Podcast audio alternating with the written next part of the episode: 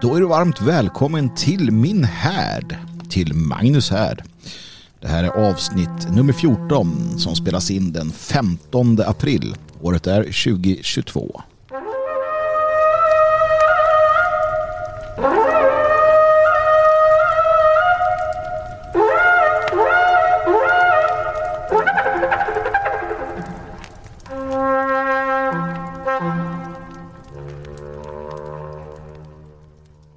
Jaha, ja, är det mitt i stöket som jag får tag på er? Påskstöket eller har ni inte börjat med det ännu? Eller är ni kanske färdiga med det? Det är ju långfredag idag. Det är ju meningen att det ska vara tråkigt och eländigt på alla sätt och vis. Och, ja, maten ska vara enkel och så vidare. Det är väl ingen som egentligen bryr sig, bryr sig om det så mycket i och för sig. Eller ja, det finns det ju. Eh, de som återfinns bland de religiösas skara. Där brukar man faktiskt försöka tänka på de här sakerna. Påsken är ju allt väsentligt eh, en, i alla fall idag, en kristen högtid. Eh, eller bara sådär att man är ledig. Det är som vanligt, jag ska, inte, jag ska inte gräva ner mig i det där. Jag ska heller inte gräva ner mig i de eviga eh, bråken om vad som är kristet och vad som är hedniskt.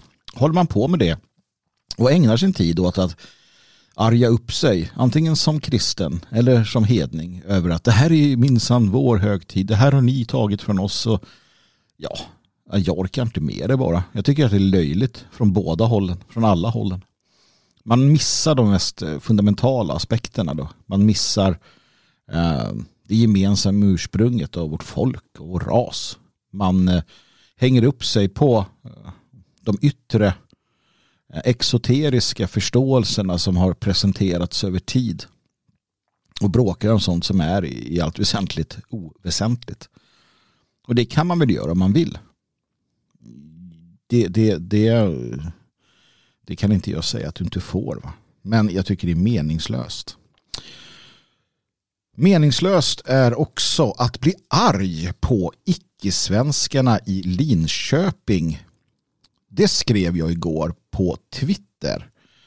Och det var efter en längre harang eh, som handlade om det som hade hänt där i, i Linköping. Och ja, igår då, eh, den eh, 14 april, så var den här tveksamma figuren, tycker jag, från Danmark, Paludan, i Skäggetorp heter det i Linköping eh, där han skulle bränna en koran. Och eh, Skäggetorp är ju ett av de här eh, utanförskapsområdena som det kallas. Alternativt och getton som vissa säger. Det är i alla fall en plats eh, som inte är Sverige längre. Inte ens AB Sverige. Om man tittar på det ordentligt. Inte Sverige av det skälet att det bor en en minoritet svenskar där. Så att i Sverige, enligt mig kräver ju då att det är svenskar som bor där, svensk kultur och eh, svenskt sätt att vara är det som så att säga genomsyrar. Det gör det inte där. Uh, det är inte Sverige AB heller. Det vill säga den administrativa politiska delen som har usurperat Sverige. Eftersom att man inte klarar av att upprätthålla Eh, sin lag och ordning. Det är lite ett, ett, eh, en grundförutsättning för en stats um, hävdande eh, till, till, existens. Alltså att du ska som stat kunna, kunna försvara, hålla, uh, genomdriva din vilja i hela det område som är uh, som utgörs av, som, som har gränserna, dina gränser. Och det finns många områden i Sverige där polisen helt enkelt inte klarar av annat än svårligen och med extra resurser att upprätthålla svensk lag, alltså eh, Sverige ABs eh, författning och, och, lagstiftning. Och klarar man inte det, ja då är det inte heller Sverige AB, då står det utanför, åtminstone när det sker. Då.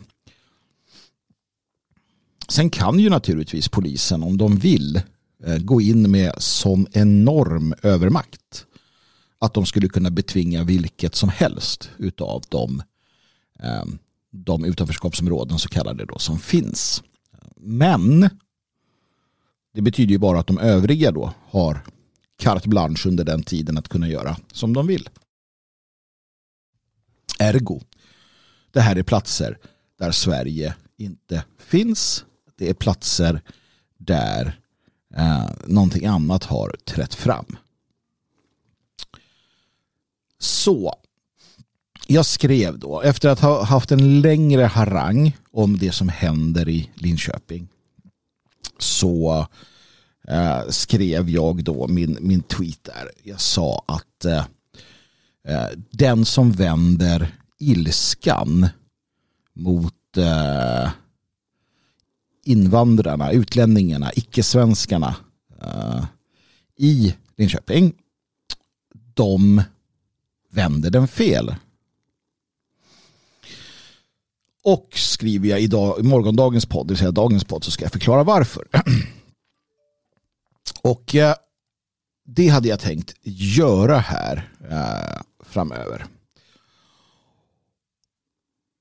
Och det är egentligen inte så svårt jag menar att det är eh, nödvändigt att förstå detta. Jonas svarar då på Twitter. Jag var rädd att det inte skulle bli något imorgon, alltså en podd. Jo, det, det blir det. Jag ger mig inte.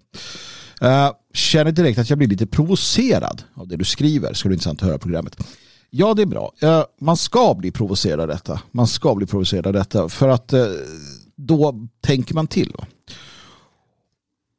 Och sen kommer man nog fram till att, jaha ja, just det. Det var ganska jag ganska klart det, det jag menade.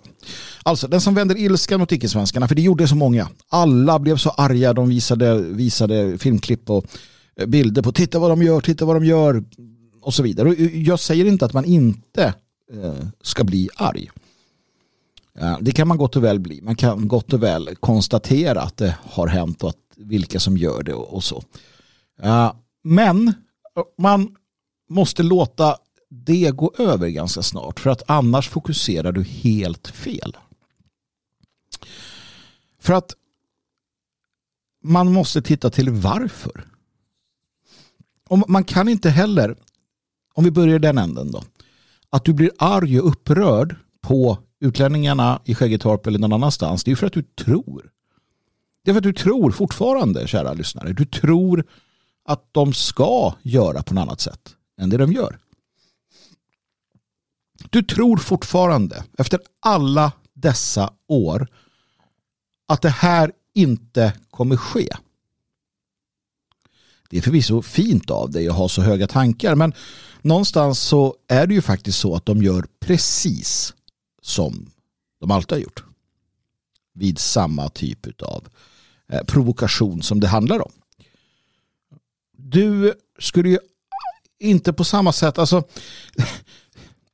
du måste förstå vilket samhälle vi lever i och vad mångkultur och massinvandring ställer till med. Och vad som händer när vissa typer av människor med vissa idéer, viss kultur, viss religion eh, hamnar i Sverige och utsätts för då eh, de, de eh, tankar, idéer och eh, traditioner som vi har. Det vill säga yttrandefrihet och, och rätten att bränna en bok till exempel. Det, det finns liksom ingen mening att, att hetsa upp sig över det det finns heller egentligen ingen mening med att annat än att, att kort bli arg på grund av att, att det händer. Eh, på grund av att vi är känslovarelser. Sen så tyglar den ilskan och riktar den åt rätt håll. För att det finns ju ett rätt håll att rikta den här ilskan emot. Att du sitter och blir upprörd över utlänningarna hjälper ju föga. Det vi ska titta på det är ju då vilka som har åsamkat oss detta. Och då blir det kämpigare.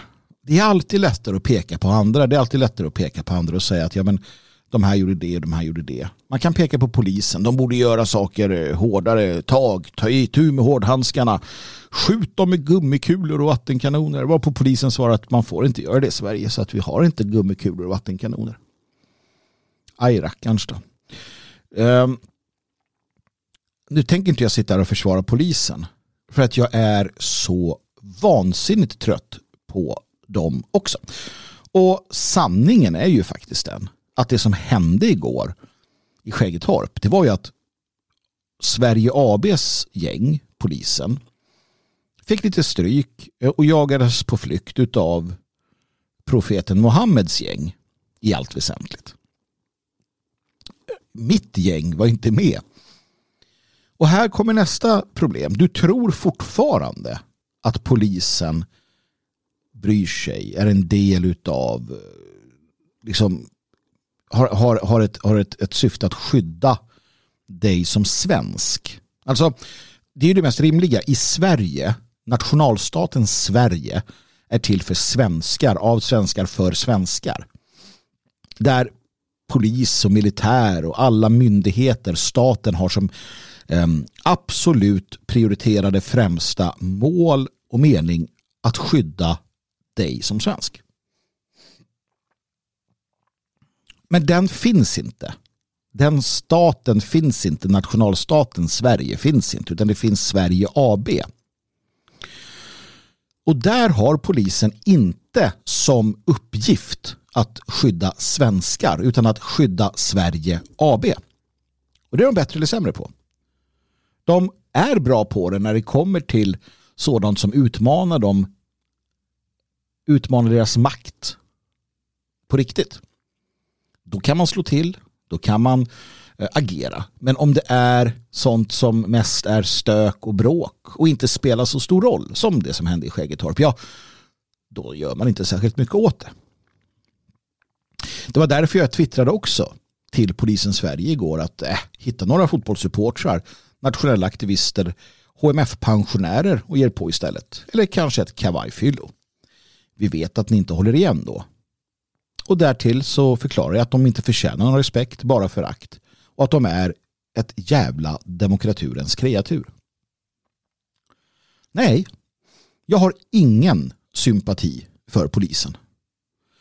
Jag har sympati för enskilda poliser. Det finns enskilda poliser som jag tycker om och som jag respekterar. Men jag måste konstatera att som kår, som myndighet så är de demokraturens kreatur. För att majoriteten av poliserna har i årtionden sett hur Sverige har förändrats. Och de vet mycket väl vilka det är de möter i jobbet när de åker ner till Plattan, när de åker i förorterna, när de åker till brott som har begåtts de vet mycket väl att majoriteten av dessa, i alla fall vissa typer av brott som är sådana vi, vi då kan, kan titta på. Eh, vi vet vilka som begår dem. Vi vet vilka som gör samhället mer osäkert och otryggt. Och vi vet vilka majoriteten av de som sitter i fängelse är. Och att det är en väldigt skev fördelning. poliserna vet ju detta. Poliserna som var i Linköping igår och fick på tafsen vet det. De ser det i sitt arbete. Men de fortsätter att ett, lyda order och två, precis som alla andra svenskar, rösta på moderater, socialdemokrater, miljöpartister, kristdemokrater. Även om säkert många har gått och blivit sverigedemokrater med tiden. Men i allt väsentligt så är de demokraturens kreatur, vilket är tydligt när du tittar på till exempel aktivistpoliserna på Twitter. Inte för, en, eh, inte för ett ögonblick så ropar de efter de politiska lösningar som krävs för att polisen ska kunna upprätthålla lag och ordning. De, de spottas på polisen och tar det eller av politikerna och tar det. De retweetar när lille Mogge, Morgan Johansson, fördömer och säger detta är oacceptabelt. Det som hände i Linköping. Det är oacceptabelt. Varje gång. Jag menar, inte ens efter att deras kollega mördades i Göteborg blev det ett ramaskri. Det bara pös ut och de fortsätter. Och de köper samma narrativ som de flesta andra. Inte alla.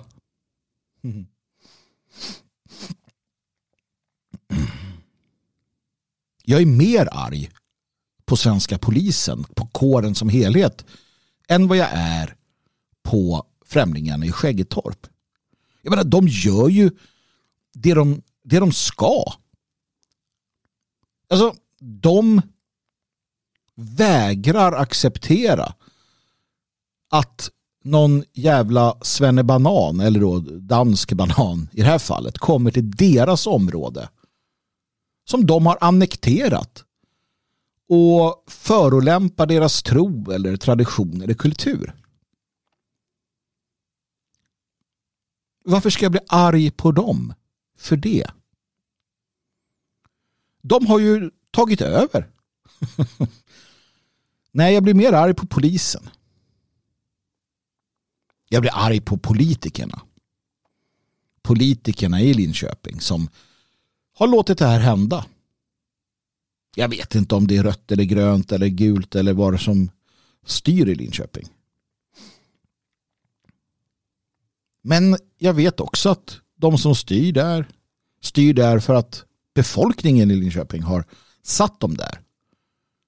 De har röstat på moderater, miljöpartister, vänsterpartister och så vidare. och så vidare och så vidare. Det är ju de som har satt dem där. Senaste valet, valet innan det och så vidare. Trots att de har sett vad som har hänt i Skäggetorp, de har sett vad som har hänt i andra städer, så röstar de på samma politiker och nu ska jag tycka synd om dem. Eller känna sympati med dem. Varför skulle jag göra något så dumt?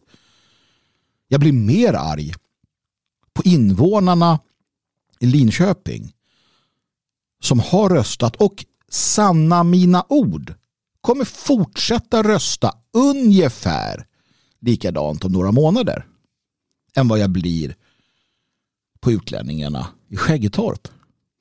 Jag menar, de brinner ju för något. De tror på någonting. De, de är beredda att, att stå upp för någonting. Till skillnad från boende i Linköping som gnäller över att nu vart det dumt. Men rösta på Moderaterna nästa gång. Eller sossarna så blir det ordning. Nej, jag blir arg på svenskarna. Och som svensk så har jag sedan länge tagit till mig och förstått att det åligger oss att ändra på detta.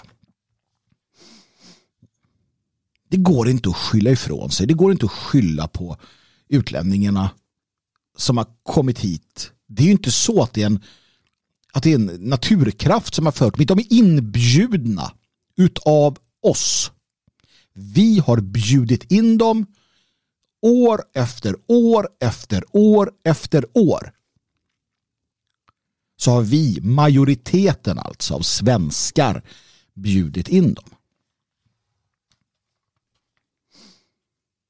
Vi vet hur det ser ut i deras hemländer. Vi vet vad resultatet blir. Det såg vi för 20-30 år sedan. Men i 50-60 års tid har vi fortsatt att bjuda in dem. Welcome. Refugees welcome. Och så vidare. Och vi har låtit polisen fortsätta att ge sig på beordrad av staten de människor som har sagt att det här kommer gå åt skogen. Nationalister har tagit smällarna varenda gång och många av dem som idag har kommit fram till att det här var ju dumt det som händer nu med massinvandring. De applåderade när demokraturens kreatur slog nationalisterna på käften för 20 år sedan, 30 år sedan. Men ni är förlåtna. I alla fall av mig. Bättre sent än aldrig och så vidare. Varför ska jag bli arg på utlänningarna? Varför ska jag rikta ilskan mot dem? När jag läser i Fokus den eh, 13 april 2022 en undersökning. Intoleranta svenskar står det här. Det är rubriken. En hög andel av svenskarna vill tysta grupper de ogillar. Mm. Och vad är det då för några som svenskarna vill tysta? Ja, mest ogillade var Sverigedemokraterna med 23 procent. Och vad vill man då hindra Sverigedemokrater, alltså nationalister av olika slag, från att göra? Ja, bland annat då anordna och delta i demonstrationer. Nationalister fanns med. De hamnade på 6,1 procent. Mest hatade var Sverigedemokraterna. Nationalisterna var mindre hatade, lite, mer, lite mindre hatade än, än miljöpartister till och med. Muslimerna kommer efter på 5,0 procent. Men alltså generellt sett då. Så, så är svenskan enligt den här undersökningen, och ja vi ska ta dem med en nypa salt, men det är ändå värt att titta på. Så är Eh, de, de svenskarna här då tycker att eh, Sverigedemokrater, nationalister etc. inte ska få anordna och delta i demonstrationer, uttrycka sina åsikter i tal och skrift, bilda en organisation, arbeta i sjukvården eller omsorgen, kandidera riksdagsval eller bli statsminister. Återigen, majoriteten av det svenska folket, eller snarare då av Sverige ABs undersåtar, vill vill att det som är ska fortsätta. Kanske inte medvetet. Det är inte så att de applåderar och tycker gud vad bra det var i Skäggetorp häromdagen. Utan de tycker det där var inte bra, det här måste vi få ett slut på. Men längre än så kommer de inte. För i deras värld så ska de då rösta på Moderaterna. Eller tvärtom, rösta för något annat parti. Eller helt enkelt hålla kvar vid det parti som man har röstat på. Som jag pratade med en person som förklarade för mig att vederbörande var socialdemokrat. Vederbörande höll med, höll med om väldigt mycket som jag sa ja, angående de problem jag har i Sverige. Men jag, jag frågade mig var, varför är du sosse då? Ja, men jag är sjukpensionär så jag har inget annat val. För att svenskar då, majoriteten av svenskarna, de, de, eh, de ser inte det som händer i Skäggetorp eller på andra platser som det mest allvarliga. De ser inte att rånade barn eller, eller eh, liksom svenskarnas undanträngning, det är inte det viktigaste för dem. Utan det viktigaste är att de får sin sjukpension. Eller att andra bidrag är på topp. Eller att skatterna sänks. Det här med folkets framtid, det skiter man högaktningsfullt i. Eller kommer på ganska, ganska eh, liksom, inte vet jag, tionde plats och jag ska bli arg på utlänningar i Skäggetorp eller annorstädes som står upp för sin tro. Det är där jag ska rikta ilskan. När majoriteten av mitt eget folk majoriteten av mitt eget folk inte bryr sig om folket och nationens framtid. Nej. Jag blir inte arg på främlingar som gör det jag förutsätter att de ska göra. Jag blir arg på svenskar som inte begriper att de måste agera som den minoritet vi faktiskt är i allt fler befolkningslager. Jag blir arg på svenskar som inte begriper att staten inte är vår stat, att polisen inte är vår polis. Vi måste förstå på samma sätt som icke-svenskarna i Linköping förstår de sakerna.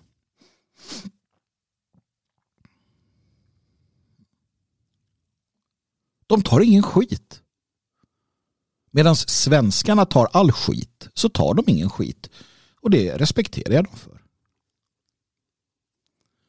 Svenskarna inte bara tar den skiten. Det vill säga Sverige ABs undersåter, de inte bara tar den skiten. De röstar för den och kommer göra det igen. Eller tror någon, återigen, att Sverigedemokraterna som, som ändå är då symbolen för någon form av eh, invandringskritiskt flyktingkritiskt Sverigevänligt parti kommer få 51 procent av rösterna. Nej, det kommer de inte att få. Eftersom att 51 procent av svenskarna inte är Sverigevänner eller intresserade av att, att vara beredda att offra någonting för att Sverige ska fortleva. Man är något annat. Och jag ska på något sätt känna sympati för människor som i Linköping röstar på samma sätt år ut och år in med alla de konsekvenserna och sen råkar illa ut. Nej. Och jag ska på något sätt känna sympati för poliser som jagar pensionärer som begår hets mot folkgrupp på internet eller eh, på andra sätt och vis upprätthåller det här systemet. Ska jag känna sympati för dem? Nej. Jag har all sympati för fria svenskar. För de svenskar som försöker att göra något annat. Som vill bygga något annat, något bättre. Ni vet vilka ni är. Ni står mig nära.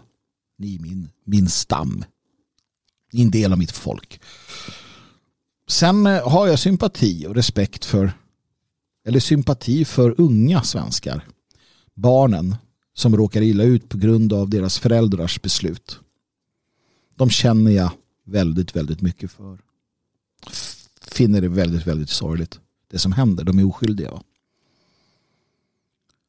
Jag känner också all sympati för svenskar som, som har och försöker göra någonting. Som försöker rösta rätt, som försöker att säga sin åsikt. Men för de som fortsätter för de som fortsätter att se till så att det som händer i Skäggetorp kommer hända igen och i värre skala som ser till att svenskarna tappar mer och mer fotfäste i Sverige som ser till så att vi eh, allt jämt går mot ett minoritets att vi blir en, en minoritet, en, en av många minoriteter i Sverige.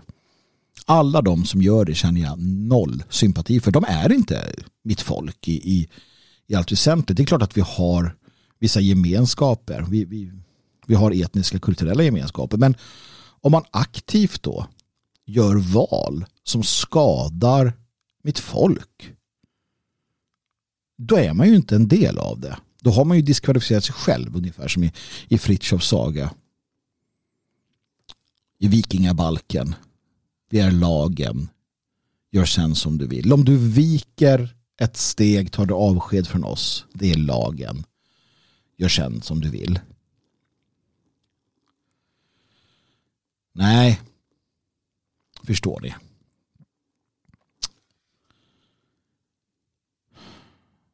Det är uppenbart att eh, svenskarna gör sina val hela tiden. Det, det, det, kan vara det kan finnas orsaker till det. Jag vet inte. Jag vet inte varför människor röstar som de gör, varför människor inte gör det de borde göra och så vidare. Men det är ju faktum fortfarande att det är på det sättet. Och jag har inte tid och jag har inte lust att ägna på att, att eh, liksom resonera och liknande med, med dessa människor. Utan, utan vi har ett arbete att göra. Och det kommer bli stökigt. Och vi måste se till att det finns områden där det som händer i Skäggetorp inte händer. Vi måste se till att det finns platser där svenskar inte drabbas. Fria svenskar. Där vi kommer tillsammans att göra saker. Och det är det som är det stora arbetet. Och naturligtvis räcka ut den där handen till svenskarna där ute. Men gör man inget aktivt val ja men då hamnar man där man hamnar. Vill man inte något annat? Nej, då blir det inget annat. Och det är därför jag menar som sagt att eh, jag blir inte arg på, eh, förutom initialt naturligtvis, så blir jag förbannad. Men, men sen så min ilska dirigeras om. Den, den, den ilskan dirigeras framförallt mot politiker och myndighetspersoner och massmedia som, som eh, så att säga upprätthåller och arkitekterna bakom det elände vi lever i. Men naturligtvis också mot svenskar som, som, som borde veta bättre. Som ser och hör precis det vi ser och hör. Men som fortsätter för att de vill ha bidrag eller för att de vill ha sänkta skatter eller vad det nu kan tänkas vara. De som lever i sina egoistiska bubblor. Som sagt, utlänningarna i Skäggetorp, de, de gör ju bara det de ska göra. De eh, håller, upprätthåller det område de ockuperat. Det är inte Sverige. Det är inte Sverige AB. Det är deras områden. Och där bestämmer de. Och det är det de signalerar.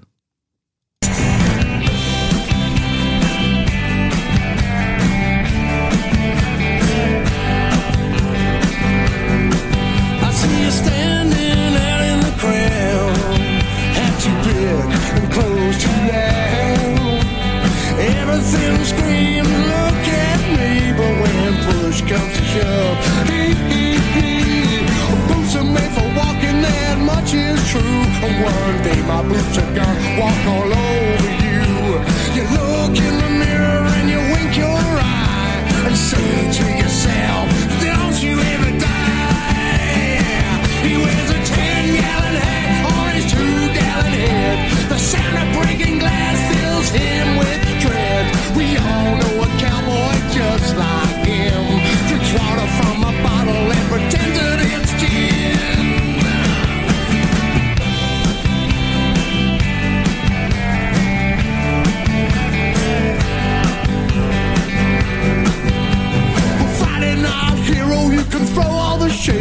when your number is called, there ain't no escape. Lost count of the time it was your last chance. Lost count of the times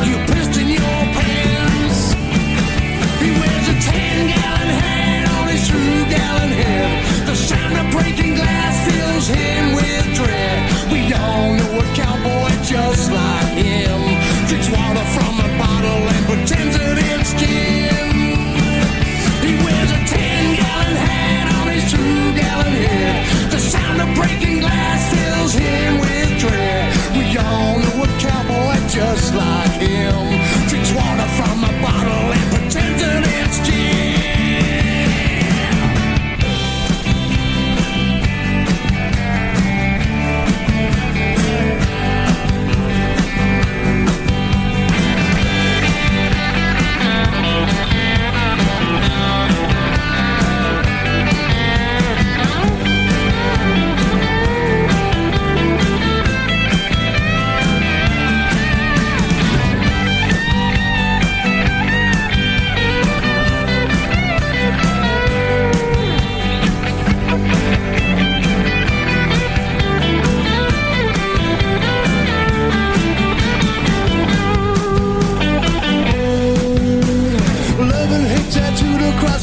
Knuckles of your hand. You say you've had a thousand one night stands. Girls all find you such a pride with your two tone suit and your ten gallon head. You run home to your mama with those tears in your eyes, and she whips you like a bitch. Ain't no surprise.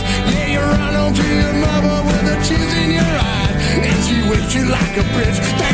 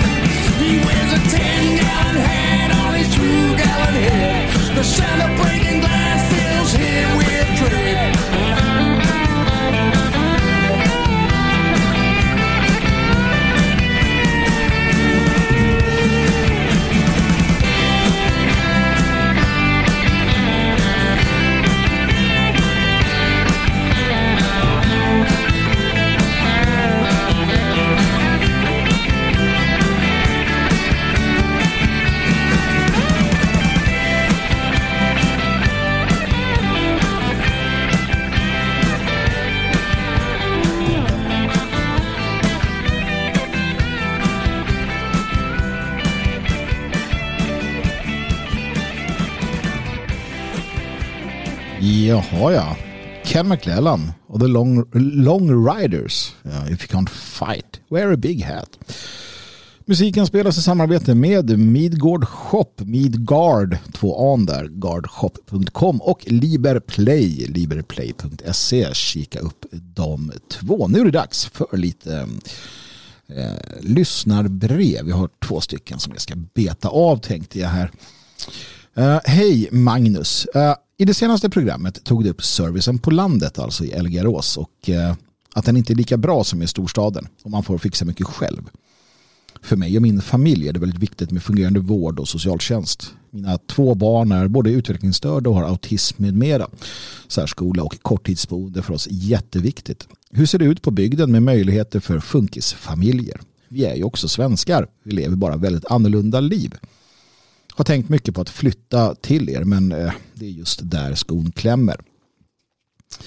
Ja, det är klart att ni är svenskar och det är klart att ni eh, också borde, säga, borde kunna eh, bo och leva på landsbygden eller vart egentligen ni vill. Och jag önskar att jag kunde säga att det är superbra med allt det ni frågar efter. Men det kan jag inte. Uh, av två skäl. Det ena är för att jag inte vet. Um, jag vet inte hur det ser ut med de sakerna men jag antar um, jag antar att det överhuvudtaget inte är i närheten av hur det är i uh, storstan. Däremot måste jag säga att det är underbart att läsa att ni tänker tanken, att ni funderar över detta med de utmaningar som ni till skillnad från många, många andra inte har. Jag menar att ha barn med eh, autism och utvecklingsstörning uh, och nu är jag ute på, på tunn is för jag har ingen aning om hur det är. Men jag misstänker att det är eh, lite knepigare än när det inte är så. Eh, och att, att eh, då överhuvudtaget tänka tanken att rycka upp dem och sig själv från den trygga miljö man har befunnit sig i kanske under många, många år med allt vad det innebär. Eh, och att ändå tänka de tankarna och, och liksom ställa de här frågorna. Det, det, är, det är hatten av alltså. Respekt. Sen som sagt så, så, tror jag, utan att veta, men jag tror att det är hiskligt dåligt på den fronten som du, du frågar efter. Ehm, och det är för att landsbygden är eftersatt landsbygden är inte intressant för Sverige AB. Annat än som någon form av kornbord kanske. Att man ska få sin, sin mat därifrån. Men, men landsbygdens folk är ointressant och, och har definitivt inte samma möjligheter. Men det är vad jag tror. Um, så att det enda jag kan säga att ni måste kolla upp det eh, själva eh, ringa till kommunerna, titta vad som finns, kolla med vården, kolla med, med socialtjänsten och allting. Jag menar, det finns ju socialtjänst, det finns ju vård, det finns ju allt det här. Och vem vet, jag kanske har fel. Den kanske är bättre till och med. Eh, det är ju inte, det är ju inte helt orimligt heller. Alltså. Om, jag, om jag börjar med att glaset är i princip tomt så slutar jag på en high note. Genom att säga att man kanske ibland underskattar vad som finns på landsbygden. Man kanske ibland underskattar de möjligheter och den potential som finns. Jag vet inte som sagt. Ehm, men eh, jag tycker ju definitivt att, eh, att ni ska titta närmare på det. Jag inser nu att jag egentligen inte har gett något svar på frågan eftersom jag inte vet. Jag fick bara tillfälle att säga, säga vad jag tycker och tänker om saken.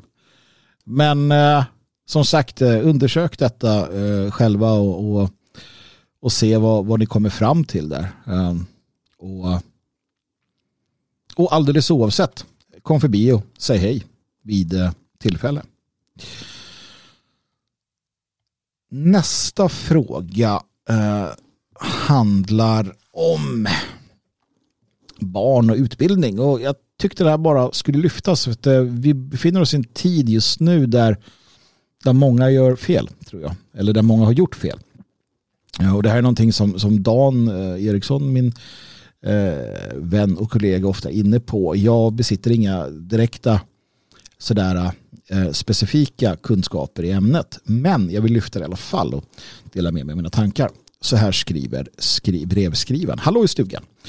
Jag snubblade över ditt inlägg på Twitter och ordet härd fångade min blick och intresse direkt. Min eh, farfar bankade in, bankade in upprepade gånger i unga eh, mig ordspråket egen härd är guld värd och förklarade innebörden av nämnt ordspråk och vilka steg i livet jag hade framför mig för att uppnå stabilitet som en egen härd innebär och erbjuder. Många unga går idag in i arbetslivet med en stigande inflation och stadigt växande ränta. Och det är lite att navigera, att eh, navigera i ett ekonomiskt eh, läge så att säga. Jag tycker det skulle vara till nationens gagn om fler i tidig ålder känner till några enkla tydliga förhållningsregler ekonomiskt för att en dag få sova tryggt genom inflation och räntehöjningar. Och jag håller med. Det här är sånt som, som har blivit viktigare för mig med åren. Ju mer jag har lärt mig och förstått. Problemet är problemet är att, att systemet inte vill uh, att vi ska förstå det som somliga förstår. Systemet vill inte att vi ska uh, tänka, alltså vi, de vill inte att vi ska så att säga knäcka koden. Uh, de vill i allt väsentligt att de flesta av oss ska bli löne Eh, lönetagare som belånar oss. Belånar till konsumtion vill säga. Och håller oss där. Betalar våra räntor och så vidare och så vidare. De vill inte att vi ska tänka utanför de ramarna som finns. För att systemet bygger på att eh, de flesta inte gör det. För då kan ett fåtal hela tiden sko sig. Det finns en del sådana här roliga äh, klipp som dyker upp ibland i mina sociala medier i alla fall där, där, där man, man, pratar just om sådana här saker. Ehm, och som sagt, jag är ingen, ingen expert på området men, men jag vet till exempel att den här idén om att spara pengar genom att ha dem på ett bankkonto alternativt lägga dem i en hög kontanter under sängen. Att, att, att göra det för att på något sätt tro att man sparar pengar är ju i allt väsentligt vansinne eftersom inflationen då framförallt nu äter upp de där pengarna. Det jag har lärt mig är att du alltid ska investera pengar som du har. Det är klart att du ska ha en buffert. Herregud i himlen människa. Eh, det är inte det jag menar. Du ska ha en buffert som gör att du klarar av uh, vissa uh, vissa saker om, om det skulle ske. Men eh, det är en annan sak. Det, det, sparande man har ska ju investeras så att pengarna så att säga jobbar för en. Även om det är väldigt lite. Att bara låta pengar ligga är att förlora pengar. Ja, samma sak eh, så har jag lärt mig att man ska undvika att låna pengar framförallt då eh, till konsumtion. Nu kan det vara nödvändigt för bostad till exempel. Um, det förstår jag också. Men framförallt då eh, hus, tomtmark etc. Där, där kan det ju finnas ett, en mening med att låna. Men i allt väsentligt att, att låna pengar för konsumtion är ju dumt. Det kan man lära sig av storföretagen. Ehm, det är ju sällan som, eh, som rika människor, ehm, det är sällan som stora företag använder eget kapital för att expandera. De lånar pengar. Även om de har alla pengar i världen för att köpa det de vill så lånar de pengar för att köpa, expandera etc. För att det är mer värt helt enkelt. Nu kanske inte storföretagens eh, ekonomiska förehavanden går att översätta till en privatperson sådär direkt. Men att, att inte låna eh, pengar till, för att det, det ett företag gör det är att de då lånar pengar för att investera. Eh, de expanderar sin verksamhet och investerar då. Så att de lånar pengar för att investera vilket då gör att de får tillbaka pengar när investeringen eh, är gjord och börjar verka för dem. Och det blir ju lite samma här som jag tänker. Ehm, som jag ser på det nu. Att jag eh, jag kan låna pengar för att investera pengar. Men jag ska inte låna pengar för att konsumera. Det vill säga till exempel eh, att köpa en bil gör man allra bäst med pengar man har. Inte genom att låna pengar till det. Däremot kanske man kan låna pengar för att göra någonting som kommer generera pengar. Det finns massor med sådana här tricks eh, som jag själv då bara stöter på ibland och tittar och ägnar igenom. Jag är, om jag ska vara helt ärlig, inte helt vansinnigt intresserad av detta. Jag har andra intresseområden. Men det här är någonting som är väl värt att titta på och, och, och systemet kommer aldrig, aldrig utbilda oss eh, på ett sätt som på det sätt som vi kanske önskar. Och här har man ett stort ansvar framför allt gentemot sina barn eller så. Så att man lär dem tidigt från början. Och det här spelar ju naturligtvis över i kryptovärlden och så vidare. Har du krypton, låt dem inte bara ligga där. Eh, utan investera dem på ett sätt så att de blir räntebärande. Se till att de tjänar lite pengar åt dig. Det, det är ju alltid klokare så att säga. Eh, det skulle behövas absolut en, en, eh, en, en ekonomisk, företagsekonomisk, ekonomisk kurs, utbildning, möjlighet för oss att ta itu med detta. Ta, ta, ta itu med vårt eget lärande. Vi behöver alla lära oss. De flesta av oss i alla fall. Jag skulle definitivt behöva sätta mig och gå igenom och förstå det här kanske mer, uh, mer på djupet. Vilket skulle kunna hjälpa mig att fatta bra beslut. Och jag vet att Dan bland annat har pratat om det här eh, vad det gäller krypto och liknande. Och, så. Och, och jag hoppas att, att eh, några, några av våra mer, eh, mer belästa och kunniga i området kan erbjuda detta för oss.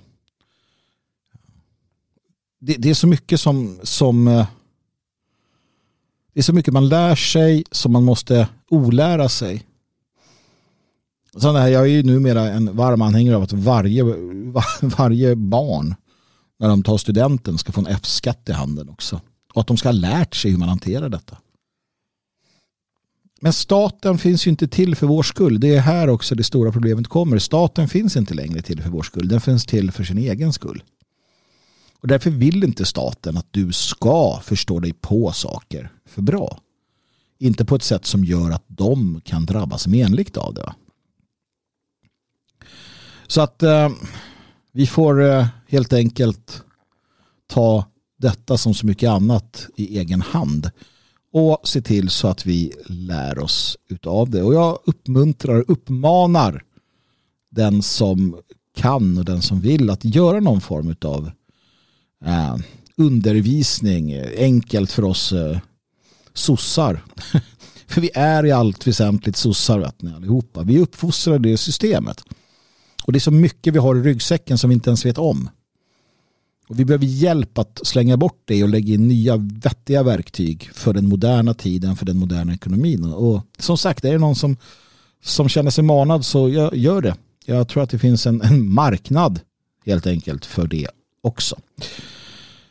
Tack för frågorna. Hoppas ni känner att ni fick lite svar och lite kommentarer till det här. Eh, det finns några till som ligger i inkorgen som jag ska beta av vad det lider.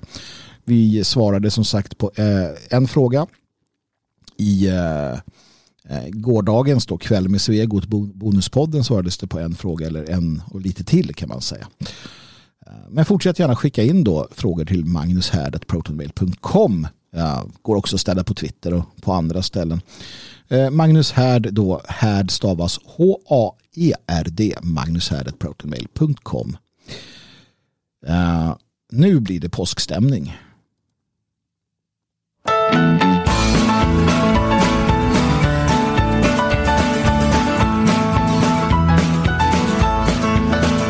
If you don't love Jesus, go to hell. If you don't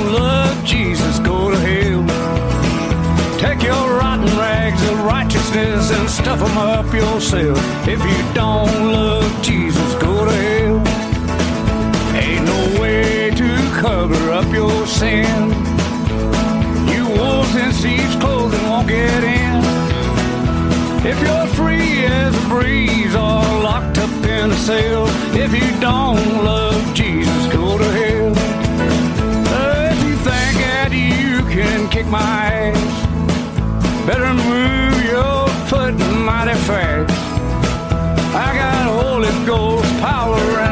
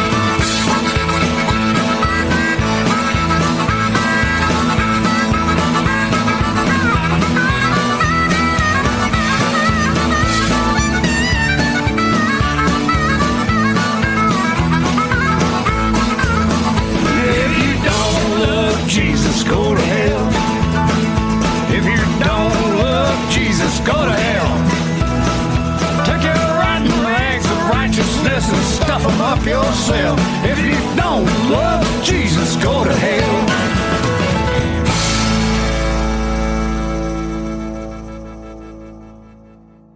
Via Dolorosa. Smärtans väg var den väg som Jesus vandrade upp till Golgata där korsfästelsen ägde rum. Han vandrade ensam medan åskådarna överöste honom med hat och okvädningsord under hugg och slag från soldater. I filmen Kristuspassionen av Mel Gibson förevisas denna vandring på ett sätt som kan få den mest härdade av oss att eh, rygga tillbaka. Teologiskt var Jesus den andra Adam. Han var i kraft av att vara syndfri.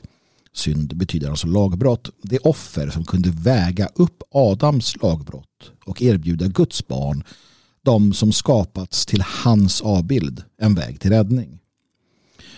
Det tomma korset är symbolen för detta offer, för Jesus fullbordade verk och upphöjande till Kristus.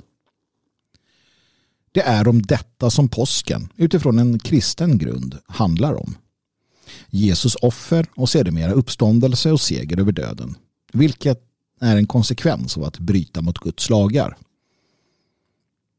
Överfört till vår tid menar jag att vi som folk, som svenskar och europeer vandrar denna smärtans väg. Vi har brutit mot den gudagivna ordningen och lider därför förnedring, hat och okvädningsord. Vår existens som folk ifrågasätts och vår identitet förnekas oss. Därtill vandrar vi under hugg och slag, brottslighet och terrorism som riktas mot oss, mot en oviss framtid. Idag på långfredagen så tycker jag att eh, detta budskap är värt att tänka på. Fram till 1969 var det förbjudet för nöjesställen att hålla öppet på långfredagen och affärerna hölls stängda. Dagen skulle vara lång och tråkig. Inte minst för barnen som inte fick leka och på radion spelades bara kristna sånger. Måltiderna, de skulle vara enkla. Det finns en god tanke bakom detta och det kan väl vara väl värt för var och en, även den som inte är troende, att ta en dag på året som just ska vara lång och tråkig.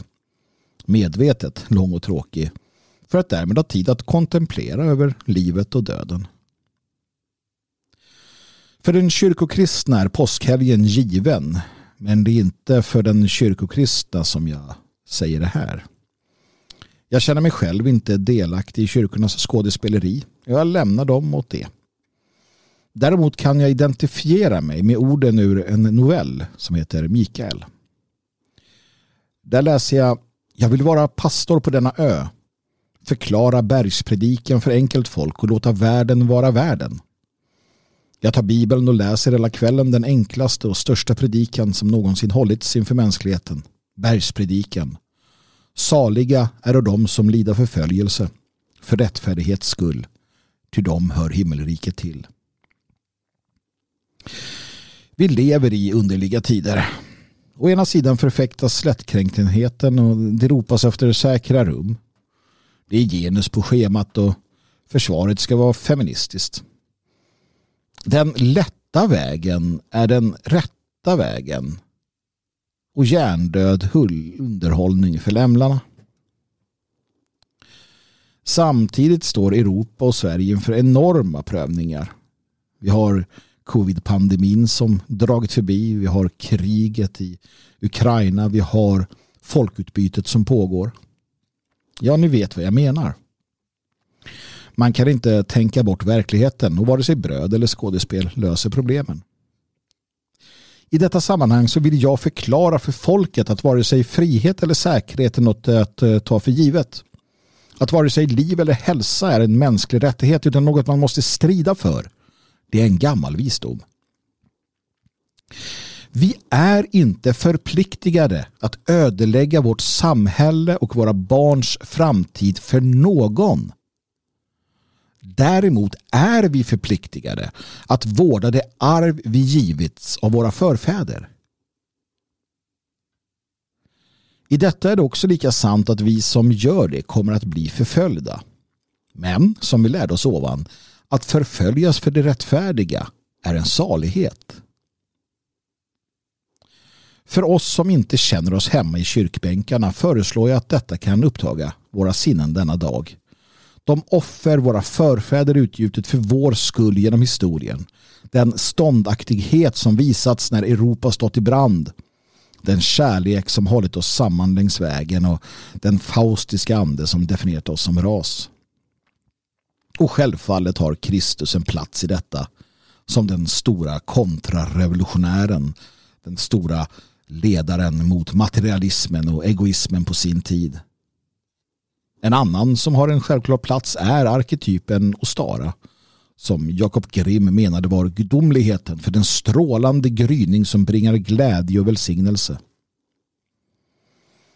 Förståelsen av allt detta kommer stärka oss på den Via Dolorosa som vi nu och framledes tvingas vandra.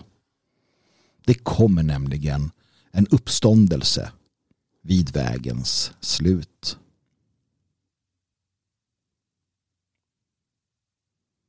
Jag ber att få tacka Peter och Rickard för donationer till härden. Jag hoppas att eh, du som lyssnar känner att eh, ja, det är värt att skicka iväg en slant. För då kan vi fortsätta framledes. Swisha det du kan på 123 510 5762 och märk det hela med härden. Då vet jag att det är till detta program ni vill att pengarna ska satsas. Men eh, Glöm inte för allt i världen livets mening. Slåss med troll, befria prinsessor, döda varulvar. Det är att leva. Men sist men inte minst, ge aldrig upp.